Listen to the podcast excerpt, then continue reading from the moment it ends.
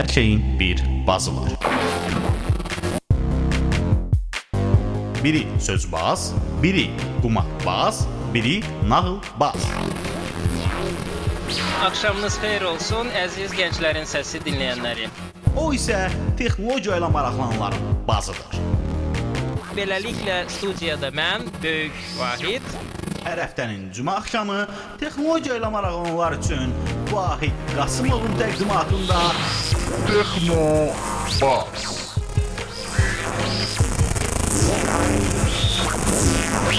texnologiya ilə bağlı hər şey. Texnobazda. Hər vaxtınız xeyir olsun əziz gənclərin səsi dinləyənləri. Cümə axşamı saat 21:15-dir və Gənclərin Səsi onlayn radiosunun efirində hər həftənin 4-cü günü yayımlanan Texnobaz verilişi artıq 34-cü dəfə ə, yenəcə canlı olaraq efirdədir. Bizə ilk dəfə qulaq asanların nəzərinə isə çatdırmaq istəyirəm ki, Texnobaz Gənclərin Səsi onlayn radiosunun efirindəki veriliş texnologiyaya marağı olanlara dünya və Azərbaycanın texnologiya yenilikləri və inkişafı haqqında bir-birindən maraqlı qonaqlarla, bir-birindən maraqlı mövzularda canlı olaraq gedən bir verilişdir. Bizi izləyib canlı olaraq dinləyənlərə təşəkkürlərimi bildirirəm. Kim ki canlı olaraq verilişə qulaq asa bilməyib, onları da sakitləşdirmək istəyirəm ki, Texnobazın bütün əvvəlki verilişləri csr.fm saytına daxil olaraq sizi maraqlandıran verilişi arxivdə tapıb saytdan da rahat bir şəkildə dinləyə bilərsiniz. Bugünkü bizim 34-cü verilişimizdə bütün internet istifadəçilərin demək olar ki, maraqlandığı bir mövzuya toxunacağıq. İnternet istifadəçilər üçün hardan başlayır? Əlbəttə ki, providerdən. İnternetə qoşulmaq, provideri seçmək deməkdir və bu gün də Azərbaycanın providerlarının birinin, düzdür, bu bir balaca fərqli bir providerdir. Onun bir nümayəndəsi hal-hazırda studiyamızda qonaqdır. Canan xanım zəhmət olmasa özünüzü təqdim edin ki, e, dinləyicilər bilsin bu gün hansı providerdən e, və hansı xidmətlərdən söhbət gedəcək. Salam, axşamınız xeyir olsun. Mən Cahan Əliyeva, Saz İnternetin ictimaiyyətlə əlaqələr şöbəsinin rəhbəriyəm. Çox gözəl. SAS internet nisbətən və ya demək olarmı ki, ən cavan providerdir. WiMAX texnologiyasında Saz İnternet Azərbaycanda ilk WiMAX texnologiyası əsasında xidmət göstərən internet provayderdir. Amma ki, ən cavan provider deyilsiniz. Yəni ki, elə bir iddianız yoxdur. Və belə deyək, yerdə qalan providerlardan fərqiniz nədən ibarətdir? Yerdə qalan provayderlərdən ən əsas fərqimiz odur ki, biz simsiz, limitsiz mobil internetik, yəni 4G WiMAX texnologiyası əsasında xidmət göstəririk. Hər modemin özünün istifadə arealı var da belə deyim. Məsələn, sizə danışım WiMAX-ionla. WiMAX-ion mobil portativ bir modemdir. Cəmi 33 qramdır. Ona cib modemi də deyə bilərsiniz. Cibinizə qoyursunuz. Saz internetin əhatə dairəsinə daxil olan istənilən yerdə, evdə, bağda, stadionda, avtomobildə, siz hara getsəniz orada internetiniz olur. Hətta avtomobildə belə. Amma yenə də təkrar eləyirəm, təbii ki, saz internetin əhatə zonası daxilindəki yerlərdə. Sazın ümumiyyətlə əhatə zonası nə dərəcədə genişdir? Yəni hal-hazırda belə deyək, Bakının nə qədərini və Azərbaycanın nə qədərini əhatə eləmisiniz? Çox maraqlı sualdır. Maraqlı yox, çox faydalı sualdır. Çünki biz bu barədə dəfələrlə həm mətbuatda, həm özümüzün Facebook səhifəmizdə, həm özümüzün rəsmi səhifəmizdə, həm bizə gələn abunəçilərə dəfələrlə deyirik, amma bu sualla yenə də maraqlanırlar. Məsələ belədir. Saz internet Bakının böyük bir hissəsini, eyni zamanda Abşeron yarımadasının əksər qəsəbələrini əhatə edir. O cümlədən Xırdalan şəhəri, Sumqayıt, Mingəçevir və Gəncə şəhərlərində öz əhatə zonasına daxil edir. hansı bədbəxt yerlərini əhatə eləmir indiyə saz? Bəzi ərazilər var ki, məsələn, Keşlə qəsəbəsi. Bu da onunla əlaqədardır ki, bilirsiniz, baza stansiyalarını yerləşdirmək, müəyyən əraziləri əhatə zonasına daxil etmək elə də asan məsələ deyil. Oranın coğrafi vəziyyətinə nəzərə alınır. Məsələn, mən Keşlənin adını çəkdim. Siz siz inana bilərsiniz. Məsələn, Keşlədə əhatə dairəsini salmaq üçün bir stansiyanı yerləşdirə biləcək əlverişli bir yer tapmaq biraz çətindir. Abşeronun daha kənar kəndləri, qəsəbələri çox müraciət edirlər mənim özümə. Çünki mən həm də eyni zamanda bizim rəsmi Facebook səhifəmizin demək olar ki, gecə-gündüz davamlı olaraq suallarına cavab edən həm də adminiyəm. Məsələn, deyirlər ki, siz nə vaxt Naxçıvana gələcəksiniz? Nə vaxt Naxçıvan əhatə dairəsinə salınacaq? Niyə görə Kürdəmir rayonu əhatə dairəsinə salınmır? Hamısına cavab verildi. Cavab belədir. Mərhələli şəkildə, yavaş-yavaş Saz internetin məqsədi odur ki, Azərbaycanın vətəndaşları, əhalisi, abunəçilər, müştərilər harda yaşamağından asılı olmayaraq simsiz, limitsiz internetə girişi olsun. Bu Yəni bir siz hələ gecənin də paltar sabunundan istifadə eləyirsiniz, onda biz sizə gəlirik. Deyirsiniz, yəni hər yerə gələcəyik. Yenə də mənim sualım biraz açıq qalıb. Bakının hansı yerlərini siz hələ də əhatə eləməmisiniz deyə soruşdum dəqiq belə konkret deyə bilərikmi rayonlara görə və ya nə bilim orientir ye- yerlərə görə ki, elə sizin də xeyrinizədir. O rayonların cəmaəti sizi hələlik narahat eləməsin. Yəqin ki, yerlərin sayı o qədər çox deyil. O qədər çox deyil, amma hər halda var. Bu dəqiqə hal-hazırda saz internetdə aparılan iş ondan ibarətdir ki, bu gündəlik bir prosesdir və hətta sizə deyərəm ki, bu durmadan davam edən bir prosesdir. Ərazilər öyrənilir, yavaş-yavaş əhatə zonasına salınır, Bakının daxilindən söhbət gedir. Abşeronun dediyim kimi böyük bir hissəsini biz əhatə etmişik və indi qarşıdakı aylarda saz internet yavaş-yavaş artıq rayonlara genişlənir. Hə, məni ən Qarşıda- çox maraqlandıran məsələ, xanım, mənim yayımın böyük əksəriyyəti Navranda keçir. Navranda saz çəkirmi? Xeyr, Nabranda təəssüf ki, saz çəkmir. Bizim Nabran saz internetin əhatə dairəsinə daxil edilməyib, amma sizə də onu Yəni Bakı əhalisi axı yay vaxtlarında Navrana köçür. Siz ora niyə gedib çıxmamısınız elə? bu məsələ artıq planda var. Bu nəzərdən keçirilir. Bu məsələ araşdırılıb. Qarşıdakı aylarda saz internet 11 rayonu əhatə eləyəcək. Düz 11 rayonda artıq saz internet olacaq və yavaş-yavaş da özü xüsusilə də seçilir. Məsələn, Quba, Qusar, Xaçmaz, Şəki, Zaqatala, Cənub bölgələri. Əslində belə deyək, içində bir xeyli əhalisi olan rayonları, hə, qış vaxtlarında da internetləşdirmənin heç bir problemi yoxdur. Amma Navran kimi bir yerlər əslində sadəcə yay üçün aktualdır bu məsələ. Mən vaxtilə Bəli. bu hardasa 4-5 il bundan əvvəl idi. O vaxt heç saz yox idi, amma ki mən ə, aktiv internet istifadəçisi olaraq mobil internetə hər zaman ehtiyac duyurdum və o vaxtı köməyimizə Elsel yetişmişdi. Elselə bir xeyli təzyiq göstərdikdən sonra onlar Navrana öz access pointlarını qurmuşdular və orada istifadə etmək mümkün idi. Sadəcə və sadəcə artıq o bir balaca qocaldı. Belə ki, Elsenin yəni maksimum sürəti 1 megabit olduğuna görə onun üzərinə çıxa bilmir sürət və digər vasitələrlə müqayisədə məsələn 3G çıxdığı zaman artıq onu sürətinə görə ötməyə başlamışdı. Ona görə necə deyirlər Elsel ilə vidalaşdıq və keçdik daha müasir vasitələrə. Sizdə bu ara sürət məsələsi necədir? Yəni reklamdakı kimi məsələn 20-25 megabit verirsinizmi yoxsa Vahid müəllim, əvvəla biz heç vaxt 20-25 megabit deməmişik. SAS internet həmişə deyir ki, 10 megabitə qədər sürətlə təmin eləyir. 10 megabitlə istifadəçilərin statistikaya görə neçə faizini ə, təmin eləyirsiniz? Yəni belə deyək də, ümumi əhatə dairəsini götürsək, onun hansı bir hissəsi həqiqətən də 10 megabitdən istifadə eləyə bilər faizə görə? Çox böyük hissəsi 10 megabitə qədər sürətlə təmin olunur və razıdır. Hətta mən sizə belə bir nüansı da deyim ki, bizim elə müştərilərimiz var ki, dəfələrlə Facebookda da yazıblar, bizə məktublar yazırlar. Söz vermisiniz 10 megabit amma mən istifadə Xeyr, xeyr. eləyirəm 20 Xeyr, megabitdən. xeyr, yox. 20 yox. Bəzən bir də görürsüz ki, çox maraqlı olur, çox maraqlı mənzərələr yaranır. Biri yazır ki, "Afərin, bravo, saz məndə 12 megabit idi." Mən kəf eləyirəm, həqiqətən də saz internet. Reklamlar da getdi bu arada.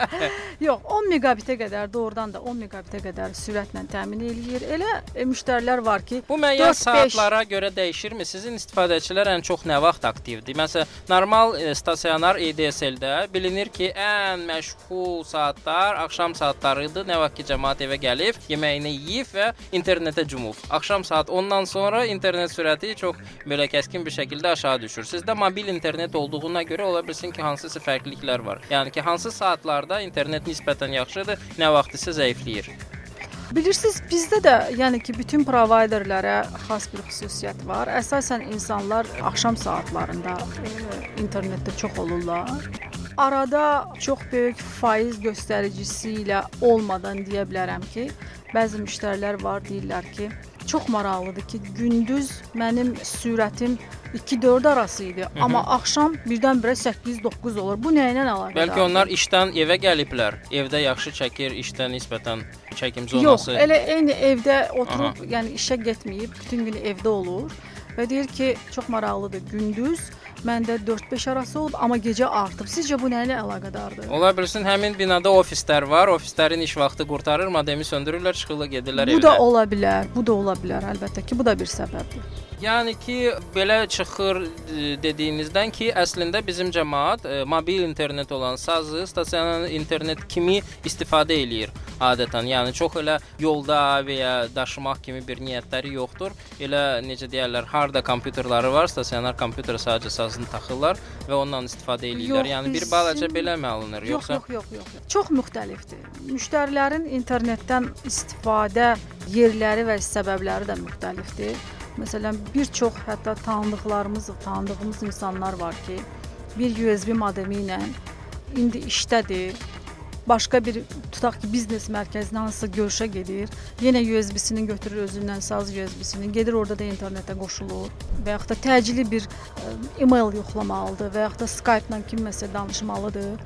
Çəkilir bir kənara, əhatə zonası təbii ki, daxilində. Ya qoşulur, işini görür, çıxır gedir. Yəni ki, bunun balaca bir USB modemi var və yaxud da balaca bir Wi-Fi var. İstədiyi yerdə rahat girə bilir. İstədiyi yerdə yenə də dönə-dönə bunu təkrarlamaq istəyirəm. İstədiyi yerdə demək yox, saz internetin əhatə dairəsinə daxil olan yer. Aydındır, amma ən azından deyə bilərik ki, Bakı və ətraf rayonlarda bundan istifadə etmək mümkündür. Əlbəttə. Ha, bir dənə sualım var sizin təriflərinizlə əlaqədar. Ən çox baş qarışdıran şeylər onlardır. Hal-hazırda nisbətən düzəldi e, əvvəlki tariflərə görə. İmtahası yenə də qəribə şeylər var. Siz əslində tariflərinizlə ümumi belə providerlarının standartlarını sındırmış olursunuz. Providerlar e, belə deyək də interneti kilo ilə satırlar. Məsələn, 1 megabitin qiyməti bu qədərdir, 5 megabitin bu qədərdir, 10 megabitin bu qədərdir. Sizdə 10 megabit limitsiz internet 25 manatdır, aşağıda korporativ tarif var. Yenə 10 megabit limitsiz internet bu səfər 30 manatdır. Bu 25 ilə 30-un arasındakı 5 manatlıq fərq nədən ibarətdir? Korporativ müştərilər üçün təbii ki, daha üstün paketlər var, daha fərqli imkanlar verilir korporativ müştərilərə, IP verilir, çox başqa imkanlar var. Məsələn, tutaq ki, fərdi bir müştəri, standart tarif müştərisi, Bəli. ayda 25 manat verən hər 30 gündən bir növbəti ödəniş edəndən edənə onun interneti kəsilir. Korporativ müştərilərə Bir balaca göz yumursuz.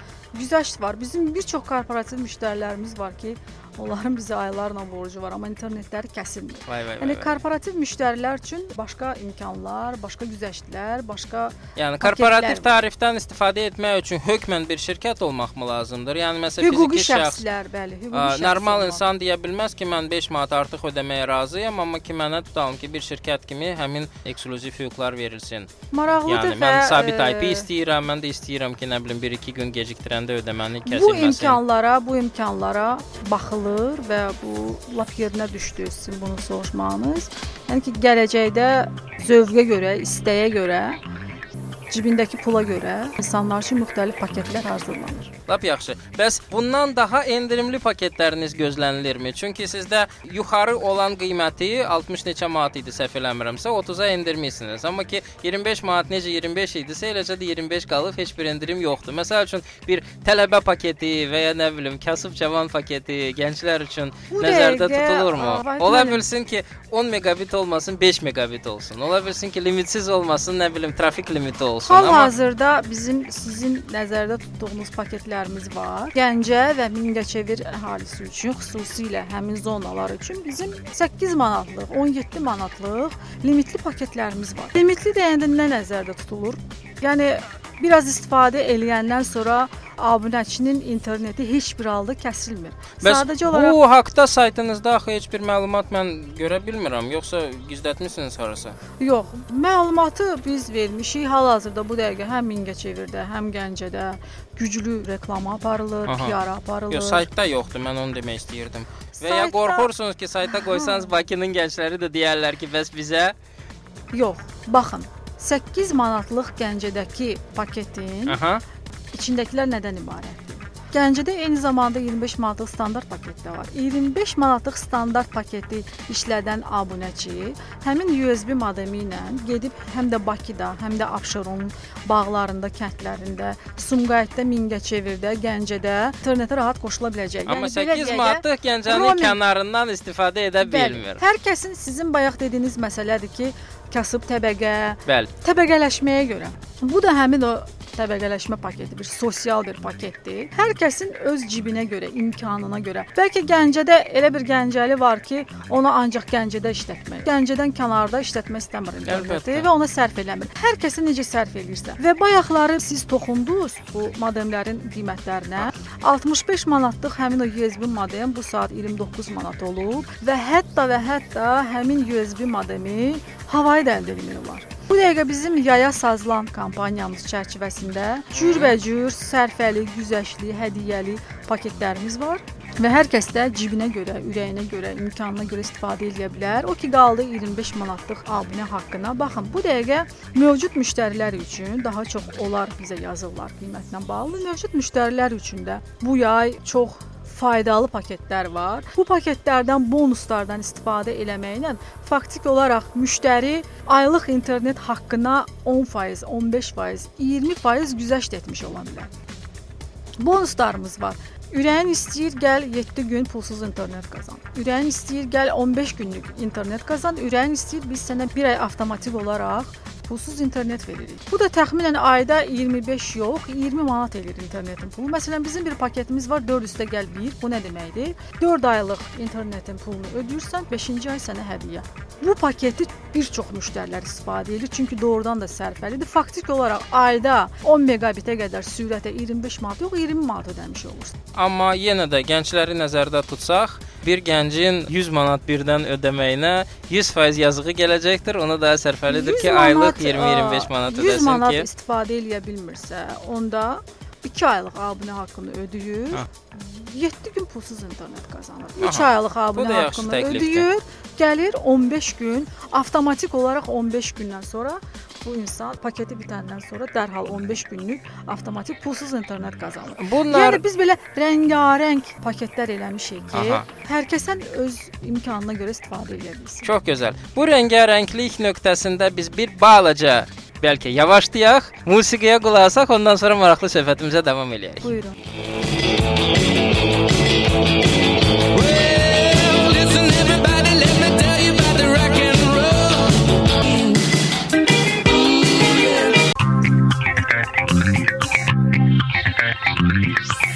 Və söhbətimizə davam edirik. Bu gün qonağımız sazdan olduğuna görə biz çox saz şeylərdən söhbət yaparırıq bu günləri və çox rəngarəng, deməli, gözəl xəbərlərə gəlib çıxmışdıq. Həmin ə, xəbərlər ondan ibarət idi ki, 25 manatdan qorxan gənclər özü üçün çox gözəl fürsətlər tapa bilərlər. Ə, Bunun üçün saz.a səhifəsindəki kampaniyalar haqqında məlumatları çox diqqətlə oxumaq lazımdır. Burada çox uzun bir mətn yazılıb. Onu oxumağa çox adamın həvəsi olmadığına görə yəqin ki, bundan yaxşı xəbər ala bilmirlər. Heç xoşuma gəlmədi sizin bu xəbərlərin yazılması səhifənizdə. Məhəmməd müəllim, məsələ burasındadır ki, bizim Facebook səhifəmizin Ha? 56 minə 56 min artıq ötür yavaş-yavaş. Vay maşallah. Və sizin istifadə internet istifadəçiləriniz nə qədərdir? 57 min var. 57 min olmağına da inşallah o rəqəmə gəlib çatarıq. Aha. Hər halda pis deyil bizim abunəçilərimizin sayı. Baxın, bizim Facebook səhifəmiz elə bil ki, virtual dialoq yeri. Elə Virtual bir ofis. gün, Virtual ofisdə elə bir gün, elə bir saat yoxdur ki, gecə saat 2-yə kimi, 3-ə kimi mən özüm ona nəzarət eləyirəm. Hər bir insanın verdiyi suala cavab verilir. Kampaniyalar haqqında gündəlik, sadə dildə məlumatlar verilir. Suallar cavablandırılır. Mətbuatda bunu yayırıq. Bu dəqiqə bax fürsətdən istifadə edib internetə qoşulmaq istəyənlərə demək istəyirəm ki, çox yaxşı fürsətlər var. Qaçırmayın, girin bizim Facebookda da baxın, eyni zamanda rəsmi səhifəmizə də baxa bilərsiniz. Kimə nə aydın deyilsə, kimə nə qaranlıqdırsa, buyursun, yazsın. Böyük məmnuniyyətlə biz cavablandıraq. Hə, buna çox böyük ehtiyac var, çünki həqiqətən də burada mən şəxsən tutalım ki, yay kampaniyasına daxil oldum. Burada o boyda bir mətn yazılıb ki, yarım səhifəlik günəlik bir şey, onu oxumağa heç həvəs yoxdur. Yəni ki, mənim buna həvəsim yoxdur ki, cavanların heç həvəsi olmayacaq. Yəni ki, heç kim bu qədər uzun bir mətni oxumayacaq. Onu bir balaca daha rəngli verilsəydi məncə daha yaxşı olardı. Və ona baxmayaraq yenə də sazın bir çox istifadəçisi var. Saz ümumiyyətlə şirkət olaraq nə vaxtdan qurulub? Yəni mənim yadımdadır, təzə-təzə Askytel adı ilə başlanılmışdı. Əslində Askytel şirkətidir. Sadəcə Aha. olaraq saz bir brenddir. Bəli. O nəyə görə və hansı səbəblərdən belə qərara almısınız ki, yeni bir brendə keçilsin? Yəni Bu- Askytel adını batırmışdı, onu ağa çıxartmaq üçün yeni adla Xeyr, xeyr, batırdınız yoxsa Askytel bir şirkətdir və Askytel bir şirkət olaraq saz brendini yaradıb və ilk dəfə olaraq Azərbaycana WiMAX texnologiyası əsasında interneti gətirib. ümumiyyətlə ilk dəfə olaraq deyirsiniz, amma 2010-cu ə, ildə. hal-hazırda sizdən başqa WiMAX xidmətlərini verən şirkət varmı? Vaxtilə rəqiblər var idi, amma son vaxtlar mən eşitdim ki, WiMAX texnologiyası ilə internet providing eləyən Delta Telekom deyəsən ə, xidmətlərini dayandırıb. Ə, Mən düz eşitmişəm, yoxsa bu bir şayədir? Məncə düz eşitmisiniz. Boğmusunuz rəqiblərinizi və hal-hazırda monopolist olaraq bazarda oturmusunuz, qətiyyən yoxsa belə deyil. Saz internet başını aşağı salıb öz işi ilə məşğuldur, xidmət göstərməklə məşğuldur. Bilirsiniz, arada narazı insanlar ola bilər. Heç kim deyə bilməz ki, o tam 100%lıq mükəmməldir. Amma mən texniki sizə işlərin hamısında bu cür şeylər ola bilər, Amma o mən normaldır. sizə insaf naminə bir şeyi mütləq qeyd eləməliyəm ki, Saz internetin elə bir üstünlükləri var ki, digər provayderlər onu həyata keçirmirlər. Məsələn, baxın, siz oturduğunuz yerdə, ofisdə, bağda, işdə, harda olursunuzsa olun, Saz internet almaq istəyirsiniz, uzaqdır, şəhərə gəlmək istəmirsiniz. Və yaxud da lap yaxınlıqda bir Saz məntəqəsi var, oradan ala bilərsiniz. Ehtiyac yoxdur. Zəng edirsiniz, sifariş verirsiniz. Çatdırılma, quraşdırılma pulsuzdur. Heç bir cərimə yoxdur digər provayderlərdəki kimi. Bəs sənəd üçün işləri üçün mən ofisə yenə də gəlmək məcburiyyətində deyiləm. Sənəd Məsələn, müqavilə bağlamaq üçün bilmirəm. yerində, hər şey yerində həll olunur. Aha, Əgər siz sifariş vermisinizsə, biz ofisə, sizin ofisinizə gəlmişik və yaxud da sizin mənzilə gəlmişik. Saz internetə sizi qoşuruq.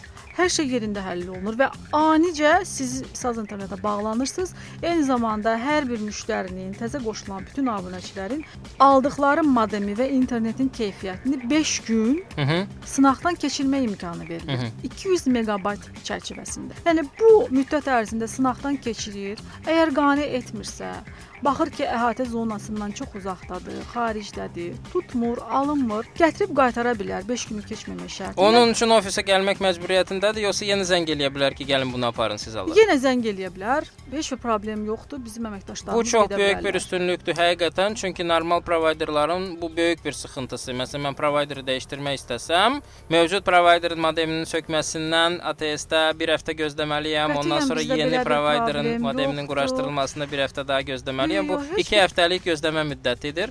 Yəni sizdə əgər bunu bir gün Dərhal ərzində yerinə yetirilir. Bəs müəyyən bir növbə varmı? Mən bu dəqiqə sifariş eləsəm sazı, onun mənə nə vaxt gətirərlər? Bir gün ərzində, 3 gün ərzində, bir həftə ərzində? Xeyr, sifarişlər o o cümlədən də texniki sifarişlər 24 saat ərzində yerinə yetirilir. Əgər Bayram günləri də buna daxildirmi Biz yoxsa? bayram günlərdə işləyirik, biz şənbə, bazar günlərdə işləyirik. Və sizə bir şey də deyim ki, sözüm yarımçıq qaldı. 5 gün ərzində tutaq ki, müştəri gördü ki, xeyr, qane eləmir saz internet onu Hı -hı. tutmur evində. Bəli. Sürət onu qane eləmədi. Gətirib qaytara bilər və qaytarılarkən qəpiyinə qədər müştərinin pulu geri qaytarılır. Əgər 200 megabiti keçibsə, Bəli. 25 manatı əlbəttə ki, ona qaytarılmayacaq. Amma modemin pulu qəpiyinə qədər hı. müştərinin əlinə qaytarılır. Bəs yaxşı, siz nəyə üstünlük tutursunuz? Məsəl üçün adamın pulunu qaytarıb onun modemini əlindən almağa, yoxsa araşdırmağa nəyə görə onun ərazisində bu yaxşı tutmadı və nəyə görə bu sizin Əlbəttə xidmətinizdən qane belə razı bir şəkildə Bu qalmadı? Sizin dediyiniz bu məsələ Məsələn, ola bilsin ki, belə bir şey ki, mən aldım. 2 gün istifadə elədim, gördüm ki, bu məni qane eləmir. Sizə zəng vurdum ki, məni qane eləmir. Siz deyirsiniz ki, siz Allah bir 3 gün daha dözün. Biz elə bir şey eləyək ki, qane eləsin. əksinə biz özümüz müştəridən xahiş edirik ki, əgər bir narazılığın olsa, problemin olsa, dərhal zəng elə. Baxın, bəzən müştəri alır deyir ki, yox, mən qoşula bilmirəm, məndə tutmur. Bir çox müştərilərdəki problem onların özlərinin kompüterlərindəki xətalardan qaynaqlanır. İstifadəçi problemi. İstifadəçi problemi. İnandırıram sizi elə elementar, bəsit, məsələn, səhvlərdən ola bilər ki, axı hamının texnoloji biliyi yoxdur. Əlbəttə. Bəzi insanların ümumiyyətlə primitiv səviyyədə texnoloji bilikləri yoxdur. Məsələn, bu düyməni basmayıb gedib tamamilə başqa bir düyməni basır, internetə qoşula bilmir. Bir çox insanlar bilmirlər ki, login nədir. Məsələn, soruşursan ki, bəli, probleminiz var, buyurun logininiz nədir? Deyir ki, o nədir? Yəni yəni belə də olur. Aydındır. Bir çox problemlər ə, müştərinin öz internetindən qaynaqlanır. Bizim çağrı mərkəzimiz var, call center. Bəli. Qaynar xətt 24 saat işləyir. Gün ərzində daxil olan şikayətlərin bəlkə də 80% yerində həll olunur, elə telefondaca. Məsələn, soruşur ki, siz filan düyməni basmısınız? Xeyr. İndi görün o qırmızı işıq yandı, bəli yandı. İnternetiniz indi necədir? Çox yaxşıdır. Yəni çox basit problemlərdən də olur. Bəzən də elə olur ki, artıq tutaq ki, bizim texniki heyətimiz texniki bölməyə yönləndirilir şikayət. Artıq texniki şöbənin əməkdaşları şikayətçinin evinə, mənzilinə, ofisinə, saz internetə hara qoşulubsa, ora ziyarət edirlər. Mhm. Təmir eləyirlər, yerində baxırlar, məsələni aydınlaşdırırlar, həll eləyirlər və bu da pulsuzdur. Buna görə də bir qəpik pul alınmır. Hətta müştəri məmnuniyyətini yoxlamaq üçün təkrar müştəriyə zəng olur ki, başqa bir narazılığımız qalmadı ki. Və sizə bir dənə də başqa bir üstünlüyümüzü deyim ki, mən ümumiyyətlə bunu, yəni özümüzü tərifləmək kimi olmasın, amma bu bir faktdır ki, Biz müştərilərə özümüz zəng eləyirik. Biz müştərinin nazına oynayırıq. Təsəvvür edirsiniz, şirkət gün ərzində mobil telefonla nə qədər insana zəng vurur ki, problemin nə idi? Təklif eləyirəm ki, Skype quraşdırasınız və bu xərcləri biraz aşağı Əlbəttə ki, salasınız. bunlar hamısı yavaş-yavaş olacaq. Hətta müştərilər elə öyrəşiblər ki, məsələn, xahiş edirsən ki, problemlə bağlı siz 191 çağrı mərkəzinə zəng eləyə bilərsiniz. O dərhal deyir ki, "Yox, mən indi yanımda şəhər telefonu yoxdur və mənə mobil telefondan zəng eləmək bahadır. Yaxşı, mobil telefonunuzu verin, biz özümüz zəng eləyirik." Baxırsan ki, bəsit bir problemdir, elə 3 dəqiqədə həll olunub yerinə yetirilir. Aha. Bu jestlər əslində çox gözəl bir şeydir və mən texnologiya ilə əlaqədar bir sual vermək istəyirdim. Yəni bəhs etmisiniz ki, WiMAX texnologiyası əslində 4G texnologiyasıdır. Yəni 4G-nin bizim artıq e, istifadəçilərin, çünki Azərbaycan əhalisinin çoxsu mobil istifadəçisidir, mobil telefon istifadəçisidir. Yəni onların öyrəşdikləri 3G-dən üstünlükləri nələrdir? Bu sürətdirmi, yoxsa keyfiyyətdirmi, yoxsa nədir ümumiyyətlə? Bu həm sürətdir, bu həm keyfiyyətdir, bu həm daha çox əhatə dairəsini, ərazini əhatə etmək imkanlarıdır. Bu daha geniş, daha çox yükləmələrdir, downloadlardır, uploadlardır. Buna çox böyük imkanlar verir. Amma ki necə belə olub ki, axırda həqiqətən də bayaq bəhs etdiyimiz məsələ baş verib ki, hal-hazırda sizdən başqa demək olar ki, Azərbaycanda 4G xidmətini verən provayder yoxdur, qalmayıb. Yəni bu sərf eləməyən texnologiyadır, yoxsa nədir? 3G mi imkan vermir ona? Yəni bunun çətinliyi nədir? Nəyə görə ADSL provayderların sayı məsələn hal-hazırda onlarla ölçülür, amma ki mobil operatorların, mobil internet provayderlarının sayı o qədər azdır. Yəni bunun çətinlikləri nədir? Mən deməzdim ki, WiMAX texnologiyasını. Əksinə bu dəqiqə dünyanın yarısı WiMAX texnologiyaya keçir. Bizdə niyə bu qədər azdır axı? Yəni bizdə ümumiyyətlə bu nəsə wireless texnologiyalar çox-çox böyük çətinliklərlə inkişaf eləyir. Elsel də tək idi vaxtı ilə, ondan sonra 3G bazarında o da biraz dövlətin icazəsinə görə ancaq Vodafone var idi. Ondan sonra mobil operatorlara 3G imkanı verildi. İndi nə bilim Hotnet var idi, o da bir qəribə bir şəkildə fəaliyyət göstərirdi. Hal-hazırda siz təksiniz yenə də. Niyə bu bazarda sağlıqlı belə bir rəqabət yoxdur? Niyə görə bizdə 5-6 dənə məsələn tutalım ki, WiMAX provayderi yoxdur ki, biz bir seçim edək ki, hansı daha yaxşıdır? Sazmı, hansı ki, həqiqətən özünü tərəflədiyi qədər gözəldir, yoxsa başqa alternativ provaydermi? Açığı dərinliklərinə getsək, bəlkə WiMAX texnologiyasını gətirmək, quraşdırmaq, inkişaf etdirmək, əlbəttə ki, bunların hamısı böyük investisiyalar tələb edən, böyük bir coğrafi ərazini öyrənməyi tələb edən bir prosesdir. WiMAX texnologiyası əlbəttə ki, əlverişlidir, mobildir, əlçatandır. Ən ucqar kənddə də baza stansiyasını quraşdırsan, orada da insanları internetlə təmin edə bilərsən, amma görünür nəyə görəsə bəlkə də investisiya yatırmaq qorxusu ola bilər. Yəni ki, bu iş daim onun üzərində dayanmaq, daim onu genişləndirmək, daim onu inkişaf elətdirməyi tələb edən bir texnologiyadır. Ki saz internet mütəmadi olaraq bunun üzərində işləyir və Yəni ki, e, şirkət daxilində xüsusi ayrıca həm mühəndis, texniki qruplar işləyirlər, araşdırırlar, ərazilərə gedirlər, öyrənirlər, əhatə xəritəsini genişləndirməyə çalışırlar. Yəni ki, bu elə bir texnologiyadır ki, sən bir yerdə dayanmamalısan, sən daim axtarışda olmalısan. Ola bilər çətinliyi budur. Yəni sizin bu dəqiqə inkişaf planlarınız nədir? Yəni ərazi olaraq genişləmək, yoxsa keyfiyyəti bir şəkil Hər artırmaq? ikisi, hər ikisi. Bizim bu dəqiqə planlarımızda olan həm keyfiyyət yaxşılaşdırmaq, biz də bunu nə ilə eləyirik? Təsəvvür edin ki, 2 il bundan qabaq Saz internet qurulanda, tutaq ki, bir ərazidəki bir neçə baza stansiyası artıq yüklənib. Bəli. Orada yüklənmə əmələ gəlib. Və biz onun qarşısını almaq üçün, sürəti bərabər şəkildə müştərilərə paylaya bilmək üçün, kəsintisiz sürətli internet verə bilmək üçün. Həmin ərazilərdə həmin ərazinin əhatə dairəsini biraz da genişləndiririk və dərinləşdiririk. Bu nə deməkdir? Əlavə baza əlavə, stansiyaları əlavə qurğular Aha. yerləşdiririk. Baza stansiyanı demişkən ağlıma bir dənə də sual gəldi. Bu bütün ümumiyyətlə naqilsiz texnologiyalarda belə bir şey var ki, onlar müəyyən bir şua ilə, müəyyən bir dalğa ilə işlədiyinə görə həmin şuaların, dalğaların insan sağlamlığına müəyyən dərəcədə ziyanı var. Yəni ki, WiMAX texnologiyada bu vəziyyət necədir? Vahid müəllim, mən çox gözləyirdim və çox arzulayırdım ki, siz nəhayət mənə bu sualı verəsiniz. Verdim. Və mənim belə bir imkanım yaransın ki, mən böyük məmnuniyyətlə bu suala cavab verim. Bilirsiniz necədir?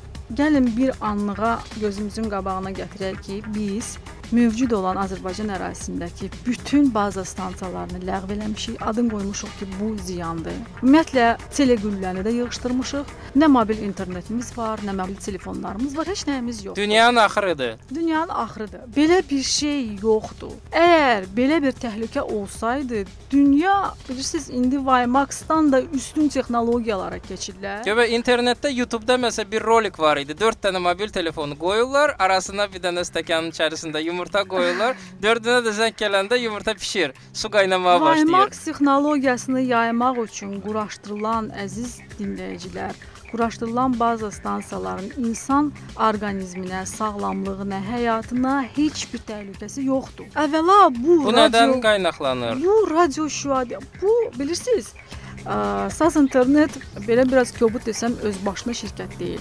İstənilən bir qurğunu yerləşdirmək üçün siz bilirsiniz neçə instansiyanın yoxlamasından keçir bu. Radio Tezliklər İdarəsi, Ekologiya və Təbii Sərvətlər Nazirliyi xüsusi yoxlamadan keçir, müxtəlif qurumlardan, şöbələrdən yoxlanılır və yalnız onların icazəsindən sonra stansiyanın qurulması həyata keçirilir. Əgər bu insan sağlamlığına ziyan olsaydı, onda gəlin belə eləyək də. WiMAX texnologiyası dünyada ümumiyyətlə inkişaf eləməzdi. Boş bir şeydir bu. Həm də bəzən görürsüz qorxaraq deyirlər ki, bu radio dalğalar bu radioaktiv şüalar verir. Radioaktiv şüa bu çox gülünc bir ifadədir. İstənilən baxın internetin, onda nə internetə, nə kompüterin qabağında oturaq, nə televizora baxaq, nə mobil telefonla danışaq. Hər şey qoyaq bir kənara. Rahat ola bilərsiniz. WiMAX texnologiyası insan sağlamlığına, həyatına heç bir zərər yetirmir. Ekoloji təmiz bir məhsuldur. Ekoloji təmiz bir məhsuldur. Müxtəlif dövlət qurumlarının nəzarətindən keçərək möhürləndikdən sonra, xüsusi icazədən sonra quraşdırılır. Yəni ki, qətiyyən narahat olmağa dəyməz. Yəni ki, mən ə, saz modemdən istifadə elədiyim vaxtı əmin ola bilərəm ki, bunun mənim sağlığıma ziyanı yoxdur. Hərçənd mobil telefonlar haqqında ə, eyni şeylər söyləmirlər, Bluetooth texnologiyası haqqında eyni şeylər söyləmirlər. Hər birinin müəyyən bir ziyanlı zərərləri haqqında söyləyirlər. Yəni mən də çox başa salmağa ə, yoruldum artıq ki, məsələn, əvvəlki böyük CRT monitorlar olduğu kimi, Bəli, məsələn, onların bəli. radiasiyası var idi. LCD monitorların radiasiyası yoxdur. Nəyə Bəli, görə? Çünki bəli. orada elektron şua borusu mövcud deyil. Ona görə burada şualanma məsələsi sadəcə və sadəcə mü Ona, mümkün ola ona bilməz. qalsa biz gərək evlərimizdə mikrodalğalı sobalardan da istifadə eləməyək. Biz televizora baxmayaq. İnsanlar var ki, mobil telefonla yatır qalxır. Onda onlar çoxdan xəstələnməli idilər və yaxud hamıdan tez qocalmalıydıq biz hamımız. Yəni texnologiyalar hələ təzə-təzə ortaya çıxır. Onun üçün qocalmağa vaxtımız siz olmadı. bilsəniz, Bir 50 il sonra nə olacaq, onu heç kim belə deyə bilməz. 4G-nin belə deyək də daha gəlişmiş, daha inkişaf etmiş, daha dərin, daha geniş imkanlara malik, daha böyük əhatə zonasını əhatə eləməyə malik elə bir, yəni nəsli yetişir ki, yəni dünyanın yarısı yavaş-yavaş o texnologiyaya üst tutur. Yəni ki, Biz yavaş-yavaş verilişin axırına yaxınlaşırkən yavaş-yavaş siz axırıncı sualların birinə özünüz gətirib çıxartmısınız. Bu işin içərisində olan bir insan olaraq siz e, bir balaca bizim dinləyicilərimizə bir xəbər verə bilərsinizmi yaxın gələcəkdən? Yəni 4G-dən sonra nə olacaq? 5G mi olacaq? 15G mi olacaq? Yəni ki texnologiya nöqteyi nəzərdən növbəti addım nədir? Sürətin artırılması baxımından və ya ümumiyyətlə məsələn biz bilirdik ki, WiMAX-ı eşitmişdik, dünyada WiMAX var idi və artıq bilirdik ki, Azərbaycana 1-2 ilə gələcək, gəlib də. Yəni hal-hazırda dünyada olub Azərbaycana hələ gəlməyən bu istiqamətdə texnologiya artıq mövcuddurmu ki, onu əlbəttə gözləyək? Ki, əlbəttə ki, bu dəqiqə dünyanın inkişaf etmiş hissəsi WiMAX-ın daha yeni bir nəsli. Adını belə qoyun. WiMAX-ın 4G-nin daha gəlişmiş bir nəsli. Onun adını 5G mən rast gəlməmişəm ki, ümumiyyətlə texnoloji, ədəbiyyatda və ümumiyyətlə bu texno qlobal sistemdə ona 5G desin. Bizim mobil operatorların bəziləri 3G+ və ya nə bilim və 4G+ kimi bir texnologiya varmı? 4G-nin davamı, 4G-nin nəhəngi bunun adını deyə bilərik. İngilis dilində buna long term evolution deyirlər ki, dünyanın yavaş-yavaş inkişaf eləməkdə olan ölkələri yavaş-yavaş miqrasiya eləməyə planlaşdırırlar. Mən düşünürəm ki, gələcək 4G-nin həmin o nəzərdə tutduğum, adını çəkdiyim o daha çox inkişaf etmiş Generation Next. next generation belə deyək, ona üst tutacaq. Onun da imkanları nə olacaq? Onun imkanları o olacaq ki, həmin texnologiyanın sən daha çox əhatə dairəsini zəbt eləyib daha çox abunəçi bazasına xidmət göstərə biləcəksən, simsiz mobil internet verə biləcəksən, daha böyük megabitlərlə xidmət göstərə biləcəksən, daha kəsintisiz, daha sürətli, daha davamlı. O əjdahadan bizdə nə vaxt olacaq? Vallah mən düşünürəm ki, inşallah hər halda yəqin 1 ilə il yarıma yavaş-yavaş Azərbaycanda da 4G-nin WiMAX-ın yeni nəsli Azərbaycana addımını qoyacaq. Yəni ki, il yarım sonra belə deyək, yəni ki 2015-ci ilin yanvarında biz artıq yeni bir texnologiyanı gözləyək. Mən belə proqnozlaşdırıram. Çünki Bunun üçün Askutel yeni bir brend mi əmələ gətirəcək? Bəlkə bir müsahibə e, elan eləyəsiniz. Müsabiqə ki, e, sizə brend adlarını təklif eləsinlər yeni texnologiya üçün. bilirsiniz mən Ən ə, yaxşı brendə müəyyən bir mükafat təhsil eləyəsiniz. Bir illik pulsuz ki, 4G+. Mən, mən deməzdim ki, bunu ümumiyyətlə bunu demək çətindir. Kim birinci gətirə biləcək onu Azərbaycana? Bunu proqnoz eləmək çox çətindir. Birinci olmaya bilərsiniz, ikinci olun, amma yetər ki Aa, olun. Yox, sualın ümumiyyətlə məğzi biraz başqa idi. Bizi hansı texnologiya gözləyir? Fərqi yoxdur onu kim gətirəcək. Amma o mütləq Azərbaycana qədəm qoyacaq, çünki artıq proses bunu göstərir. Yəni dünyadan ə, biz artıq bir addım da olsa geridə qala bilmərik. O ki qaldı yeni brendə. Saz artıq bir brend deyil. Yəni ki, bu brendi əksinə Saz brenddir. Bunu əksinə saz brenddir. Bunu əksinə biraz da inkişaf elətdirmək, keyfiyyətini artırmaq, əhatə dairəsini genişləndirmək, rayonlara genişləndirmək. Biz çox istəyirik və nəinki istəyirik, biz bunu etməyə də başlamışıq. Edirik də bu bizim gündəlik prosesimizdir. Biz istəyirik ki, rayonlarda, kəndlərdə Yəni ömür boyu interneti olmamış insanların belə siz inanırsınız bizə hansı rayonlarda məktublar yazırlar, xahiş edirlər, tələb eləyirlər. Niyə filan rayona gəlmirsiniz? Nə vaxt filan rayona gələcəksiniz? Yəni istəklər çoxdur. Elə bu gözəl arzunuzda ki, inşallah Azərbaycanın bütün rayonlarında ə, sürətli limitsiz internet olsun arzunuzda. Biz yavaş-yavaş verilişimizi yekunlaşdıraq və əgər etirazınız yoxdursa, bütün hər kəsə ən gözəl şeylər arzulayaq, ə, arzularına çatsınlar. Hamıya sağ olun deyirik. Görüşmək ümidi ilə. Sağ olun, çox sağ olun.